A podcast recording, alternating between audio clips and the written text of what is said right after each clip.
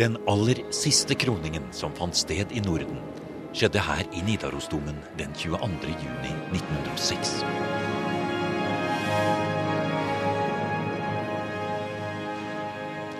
Til tonene av Johan Halvorsens kroningskantate løftet statsminister Christian Michelsen gullkronen til Karl Johan Bernadotte og plasserte den på hodet til Norges nye konge.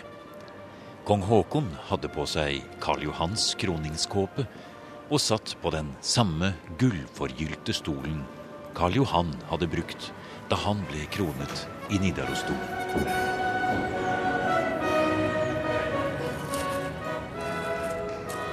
Nå er alle disse gjenstandene, utstyr og regalier plassert bak lås og slå og skuddsikkert glass i et bevoktet utstillingsrom. Men for en fascinerende historisk kraft de utstråler. For som Geir Thomas Risaasen fra Nidarosdomens restaureringsarbeider sier mens vi vandrer over grusen i den store borggården i Erkebispegården Bak kroningsutstyret ligger det mer enn 1000 år med kirkehistorie, kongehistorie og nasjonalhistorie. Vi må helt tilbake i Det gamle testamentet, sier Risaasen, for å finne fortellinger om skikken med å sette en krone på kongens hode. Det er jo en eh, gammel tradisjon eh, som har både bibelske forbilder, altså tenk eh, salvingen av kong Saul og kong David. Det er en tradisjon som videreutvikles i det bysantinske riket til en kroningsseremoni, og som etter hvert får innslag fra vestlig tradisjon. Og slik vi kjenner det, så er det med Karl den store som krones i Roma år 800 at kroningstradisjonen har fått sin form. Så det er første gang man faktisk kjenner til at det blir brukt en krone i, i la meg si, vår del av verden? da? Altså Det har blitt brukt kroner helt tilbake til 400-tallet, men uh, i den altså kroningsseremonien slik vi kjenner den i norsk sammenheng, det er først med Karl den store. Og den seremonien starter da med en gudstjeneste. Og så er det tre viktige akter som hører med. Det er da først eh, salvingen, hvor monarken eh, salves med, eller smøres med hellig olje som Guds stedfortreder på jord. Så er det kroningsakten, hvor regaljene overrekkes enkeltvis som symboler på monarkens verdslige makt. Og det tredje er da velsignelsen over monarkens kongegjerning. Men eh, nå er vi altså som sagt på vei inn i døra her. Men jeg har ikke lyst til å slippe helt ennå, jeg. Sånn som dette her med aller, de aller første seremoniene på 800-tallet. Karl den stores kroning der. Og det er jo ikke noe rart at vi da ikke umiddelbart får sånne kroninger i Norge. For det er ingen å krone akkurat da i Norge. Det er riktig. Og samtidig etter hvert, når vi da får eh, det norske monarkiet altså Det har tross alt bestått også i mer enn 1000 år. Og selv om vi regner, vi regner jo Harald Hårfagre som på en måte den første rikskongen. Ja, Man skulle jo tro at han skulle blitt kronet. Ja. Men da har du den nordiske tradisjonen med kongehyldning, eller konungateke, som var inne på. Og det er da den, den eh, statsrettslige innsettelsen av en konge. Så du kan si at eh, og i norsk sammenheng så praktiserer vi da eh, konungateke, eller hylling, helt fram til eh, 1660, da eneveldet ble innført. Eh, og etter hvert så går det parallelt med kroninger. Men hvorfor da på, på konung og teki, som du sier, Ja. hvor altså tinget dømmer at nå er du konge, og de forskjellige tingene må gjøre det i landsdel etter landsdel. Eh, man kunne jo da faktisk ha tenkt seg at uh, allerede Harald Hårfagre kunne samtidig ha blitt kronet. Men hvorfor skjer ikke det? Det har jo selvfølgelig sammenheng at uh, altså, kroning, slik vi kjenner det, også en, det er en kristen seremoni. Og under Harald Hårfagre så var ikke Norge et kristent land. Altså, etter hvert som Norge blir kristent, så blir jo også kirken en maktfaktor i landet. Og da er det viktig for monarkiet å sikre seg alliansen med kirken. Nettopp. Så det kan ikke tenkes en kroning uten å for så vidt da knytte det direkte til den kristne tradisjon. Og den igjen går helt tilbake til Bysants Ja. og til Israel og Saul og det hele. Det var store linjer. Og det deler vår tradisjon for kroning. ja. Ja. Nå hører vi at uh, vi kommer inn under hvelvingene her. Vi lukker opp uh, flott dør her nå og kommer inn til Riksregalienes store, flotte utstilling. Og her er det litt uh, alvorlig, Risaasen, fordi at um, her skal det være vakter, og her er det ikke noe bare å gå inn, altså. Nei, og da skal vi huske på at eh, riksregaliene det er jo kanskje de mest symbolladde gjenstander Norge har. Og du kan bare tenke når du da kommer et, til en ambassade i utlandet, så møtes du av det norske riksvåpenet med kronen over, som da viser at Norge er et monarki, og har vært det i mer enn 1000 år.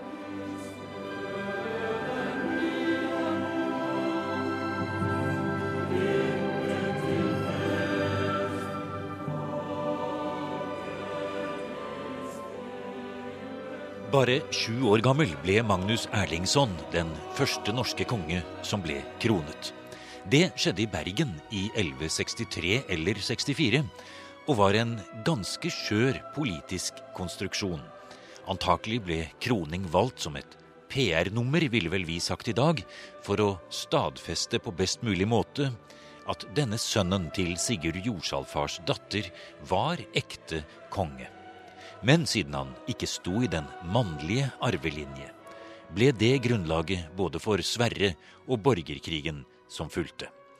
Geir Thomas Risaasen forteller i sin bok om riksregaliene om hvordan selve kongekronen og alt kroningsutstyret til barnekongen blir konfiskert og mest sannsynlig brukt av Sverre da han blir kronet noen få år senere.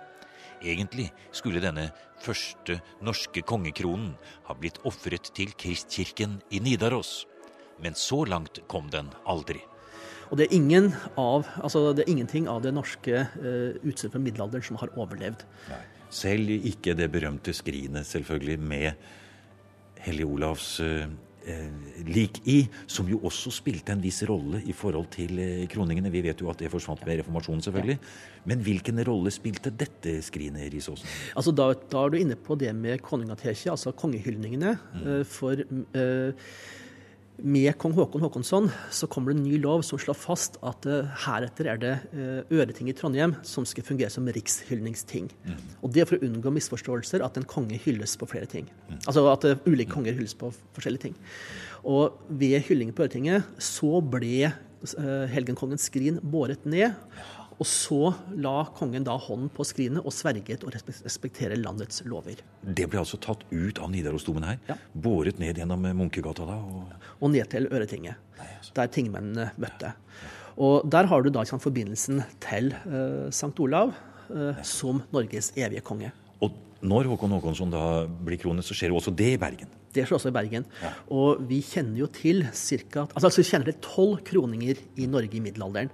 Og av de så er det fem som finner sted i Bergen, som da var residenshovedstad, der kongemakta var etablert. Eh, etter hvert så flyttes hovedstaden til Oslo, og fire kroninger finner også sted i Oslo. Og så får vi en periode med Kalmarunionen, da det norske kongehuset har bokstavelig talt flagget ut og bosatt seg i Danmark. Og i den perioden så skjer kroningene i Trondheim. Så det er først uh, under Kalmarunionen at Nidarosdomen blir brukt i kroningsøyemed. Mm. Og så er det jo det at vi vet jo også når vi kommer til kong Håkon Håkonsson, mm. så bestiller jo han en ny krone uh, etter hvert. Altså han blir krone med én krone da i Bergen i 1247. Men i 1260 så er det korrespondanse med den engelske kongen, som da formidler uh, bestilling av ny krone til en gullsmed i London. Nei, altså. Og der står det at uh, den kronen den har da, uh, har da, flikkete bøyler, altså bladverk på bøylene. Og uh, kongen av England bestiller da en tilsvarende krone, men vil at de bøylene der skal være litt høyere enn de som er på den norske krona. Aha, Så de bestiller altså fra samme sted, men, fra samme men den, den, den, engelske kongen han ville ha den litt finere, da? Ja. Litt ja. mer løvverk. Men, og det blir jo levert også? Det blir levert. Ja. Så da det sønnen Magnus Håkonsson, altså eller Magnus Lagbøtter, da krones i noen år seinere, mm. så var jo fortsatt Håkon Håkonsson til stede. Og da må vi regne med at Håkon Håkonsson bar den nye krona, mens sønnen da var de gamle regaliene som faren hadde hatt under sin kroning. Vi går inn gjennom uh, altså Det vi er i her nå, Risosen, det er jo en moderne utstilling. Det er det. Men samtidig så er det inni disse gamle hvelvingene som ja. vi ser, som er en av de eldste faktisk strukturene ja. i Norge i det hele tatt. Og det er jo slik at altså, Erkebispegården i Trondheim har faktisk to middelalderske hallbygninger. Bergen har jo Håkonshallen, Oslo Olavshallen, men vi har to. Og den vi går inn i nå, er da fra 1400-tallet. Og vi ser da en 14-tallsportal som vi skal gjennom. Og over her lyser da eh, det som er Grunnlovens kroningsparagraf. Og gjenstandene er jo da selvfølgelig knyttet til den nye historien. Og paragrafen er jo veldig klar. Grunnloven av 1814, ja. Hva står det der? Der står det 'Kongens kroning og salving skjer etter at han ble myndig i Trondheims domkirke på den tid og med de seremonier han selv fastsetter'.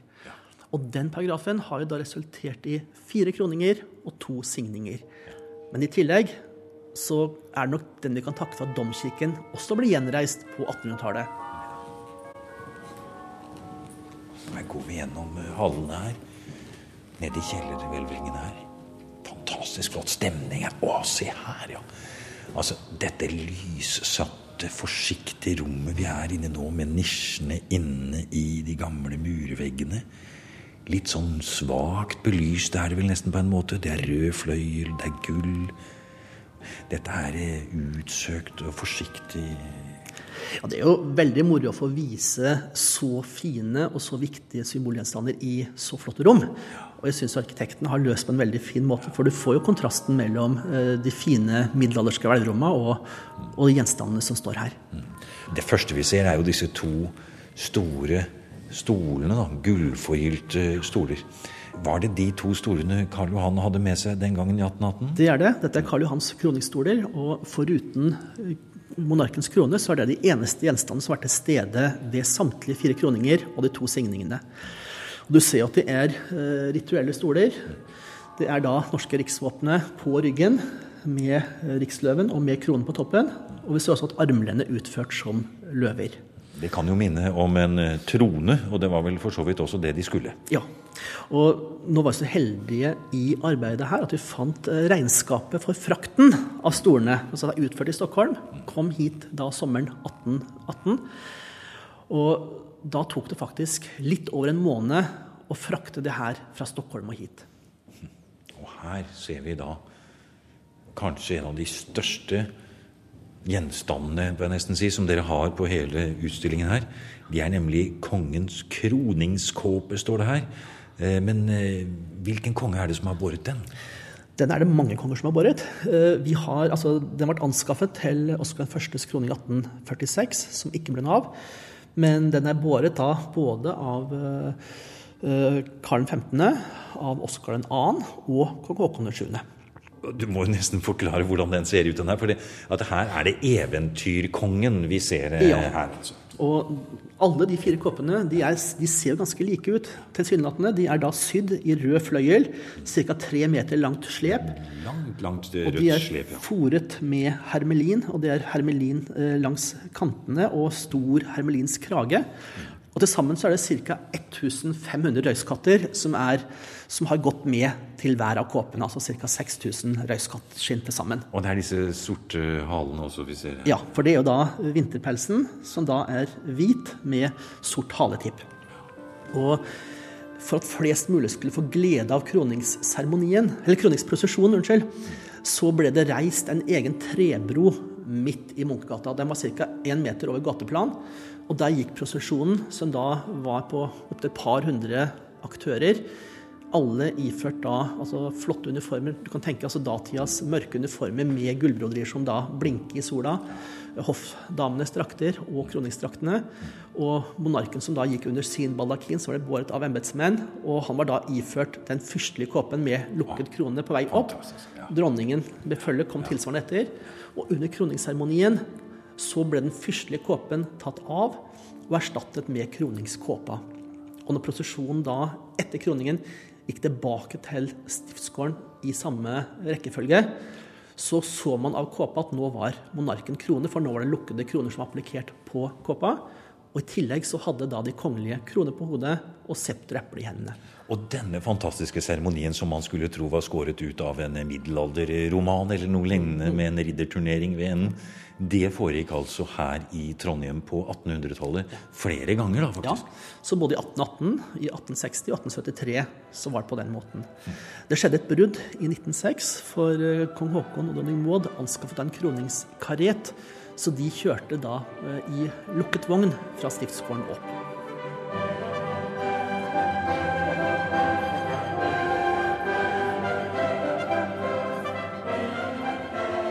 Helt innerst under hvelvingene i erkebispegårdens Tower of Norway blir vi nærmest trukket mot den flott opplyste monteren med Norges krone. Rundt ser vi kongebanner, det er dronningens kroningsutstyr, arveprinsens krone og mange andre flotte gjenstander. Men her er altså selve kronen. Det ser ut som om den svever, akkurat i hodehøyde. Poenget var å se det slik som det ble båret. Og vi har også da valgt å vise regaliene altså i forhold til eh, monarkens for seg og dronningen for seg og arvefyrsten for seg. Og den krona vi har her, den er da utført i Stockholm eh, av gullsmeden Olof Wilborg i 1818. Og er jo et fantastisk stykke gullsmedkunst. Det er veldig typisk for ampirstilens gullsmedkunst. Den er veldig fargerik, altså fargerike steiner. Og steinene er veldig flott benyttet. Altså, de er ikke bare fargerike, men de er også brukt asymmetrisk. Så selv om du har, du har den store eh, grønne krysoprasen i midten, som da var en gave til Karl Johan fra den brasilianske ambassadøren, men hvis du ser på hver side av den, så er det da en, henholdsvis en uh, lilla ametyst, mens det er en grønn uh, opalin på andre sida. Så det at man har plassert steinene asymmetrisk, gjør at hver enkelt stein har fått en egenverdi her. Men du ser også den er veldig symbolladde. Starter på toppen, så har vi først da et kors av lilla ametyster. Den korset hviler på en liten globe, eller rikseple, og det viser jo at Kristus står overalt. Så øh, den globen den øh, samler jo da de fire bøylene som kronen består av. Og vi ser at de, altså Unnskyld, åtte bøylene. Vi ser at det er fire bøyler som er utformet som ekeløv. Og så er det fire er som laurbær. Det er som er laurbær, ja. Og laurbær er jo et gammelt maktsymbol som går tilbake til antikken. Eh, tilsvarende så står jo ekeløv for både styrke og utholdenhet. Og vi ser også at perlene som er brukt, de er jo Er det norske ferskvannsperler? Det vet vi ikke. Nei. Så sannsynligvis så er det ikke det. Nei. Men, men altså når det gjelder den arvefyrstekronen, der er det ferskvanns, ferskvannsperler fra Norge. Akkurat. Men når vi nå går tilbake igjen til Karl Johans krone, da, den veier rundt en halvannen kilo, har jeg lest et sted. Ja. Eh, Er ganske, da med andre ord, tung. Og det som veier så mye, det er jo gullet. det. Det er gullet. Så her er det jo rent gull. Og det som også er litt moro her, er at eh, det var jo Stortinget som skulle bevilge penger til regaliene. Og det ble jo en diskusjon, selvfølgelig. Og Karl Johan var en utålmodig sjel, så han hadde ikke tålmodighet til å vente på en beslutning, så han skar igjennom og bekostet da regaliene for egne penger. Og etter kroningen så ga han da i gave til den norske stat. Eh, Men fordi at det er staten som eier det, så kaller vi det da for riksregalier, altså rikets regalier, i motsetning til kronregalier, som er kongens regalier. Denne kronen den har nok sikkert mange sett på bilder eller andre steder, men nå kan den altså ses her i, i, i Trondheim, her i Erkebispegården. Men når vi ser litt lenger nedover i denne monteren, så står det kanskje ting her som ikke så mange har sett. Her har vi f.eks. et såkalt salvingshorn i gull. Det går nettopp tilbake til Israels tid da, og til Det gamle testamentet. Var det ikke sånn, Elisås? Jo, det var det. Eh, Nå har vi ikke den tradisjonen så sterk i Norge, men, men det er tradisjon knyttet til salving, som du er inne på der. Eh, Hvis vi går helt fram til 1906, så var den siste salvingen som fant sted i Norge, så ser vi at den salven som ble benyttet da, var ikke fullt så hellig som den Nei. du beskriver. Nei. Eh, For den salven ble da levert av Svaneapoteket i Trondheim. Å, jaså. Så den var nok mer symbolsk enn Ja. ja. Men eh, den opprinnelige salven da som man skulle benytte ved kongesalvingene nedover i Europa, vi er tilbake da eh, i den aller første tiden, der tok man en liten gullnål oppi denne spesielle salven som ble oppbevart på et bestemt sted, og blandet da ut i en annen. ikke sant? Ja, det gjorde man. Og hvor skulle denne salven påføres på? Den ble, da, altså, den ble påført på pannen, på skuldrene, håndleddene og brystet. Og under armene? Eh, I noen land det også. Men eh, her praktiserte man det altså selvfølgelig ikke sånn. Eh, det skulle vel bare Det skulle tatt seg pent ut, holdt jeg på å si. Men nå kommer det fra Svaneapoteket, ja. Ja, og så har vi rikseple her. Ja. Og rikseplet det er jo også en symbolgjenstand med lange tradisjoner. Eh, Den går tilbake til eh, de romerske keiserne, som bar da globen som symbol på det romerske overherredømmet. I eh, middelalderen så får jo rikseplet det form som det har her. Og du ser at det har et magebånd som deler det i en nedre og øvre halvdel. Og du ser at den øvre halvdelen er igjen delt i to. Så du får, så du får liksom tre deler. Og det symboliserer da de tre verdensdelene som var kjent i middelalderen, nemlig Europa, Afrika og Asia. Og så har du da til slutt eh, septeret, som jo er herskerstaven, og som et symbol på den eh, herskerrollen som en monark var ment å ivareta. Så er det jo sånn at De forskjellige gjenstandene som står inne i dette rommet, de har sine spesielle historier, og det er ganske spennende. Eh, her står vi nå og ser i en annen monter, og det sverdet som står der, det har en helt spesiell historie. Vi vet jo at Karl Johan var eh, en av Napoleons mest fremtredende generaler. Han var marskalk osv. av Frankrike. Og dette sverdet vi ser her, det har faktisk en viss sammenheng med det. Ja, for nå er vi inne i den store historien, altså i verdenshistorien. Og i 1813, i slaget ved Leipzig, så var Karl Johan med å nedkjempe sin tidligere keiser. Og da bærer han det marskalksverdet han har mottatt i gave av Napoleon. I det, Frankrike oppfattes jo dette som uh, landssvik. Ja, det, det, er vel vanskelig å oppfatte på annen måte hvis du er fransk. Men det er det sverdet som Karl Johan da gir i gave som rikssverd for Norge. Eh, og i og med at det sverdet her da fikk en ny funksjon som rikssverd, så har Karl Johan sørget for at uh, selve bladet har fått en inngravering som viser da Det er i dårlig stand i dag, altså veldig slitt, men, men, du ser da allegoriske figurer, uh, kvinnefigurer, som da det er da moder Norge, som da rekker moder Svea. Så dette har altså da Karl Johan gjort med sverdet etterpå? For å, ja, ja, for å nettopp å, å tilpasse den nye funksjonen. Så det ble, det ble båret altså i prosesjon som en del av regaliene, og ble overrakt symbolsk som en del av regaliene under kroningsakten. Og det sverdet har jo også da, eh, sammen med både riksbanner og krone, eh, vært, altså også da eh, vært til stede på monarkens kiste ved monarkens død.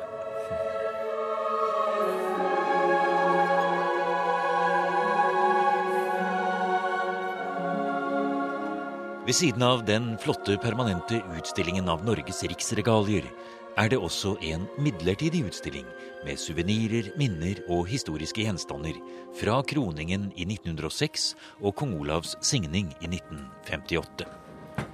En liten eske med et par mansjettknapper bringer tankene til middelalderen, da kong Håkon Håkonsson skrev brev til den engelske kongen og ba ham bestille ny kongekrone hos den fineste gullsmed i London. Du må bøye hodet fram for å se inn i Her ligger da et, et veldig personlig minne. Eh, altså I forbindelse med innføring av signing i 1958 så oppsto et veldig nært forhold mellom kong Olav og daværende biskop i Trondheim, Arne Fjellbu. Og det var jo Fjellbu som da var en sentral part i gjennomføringen av signingen. Og eh, etter det her så er det at da kong Olav gir mansjettknappene her i gave til Fjellbu som et minne.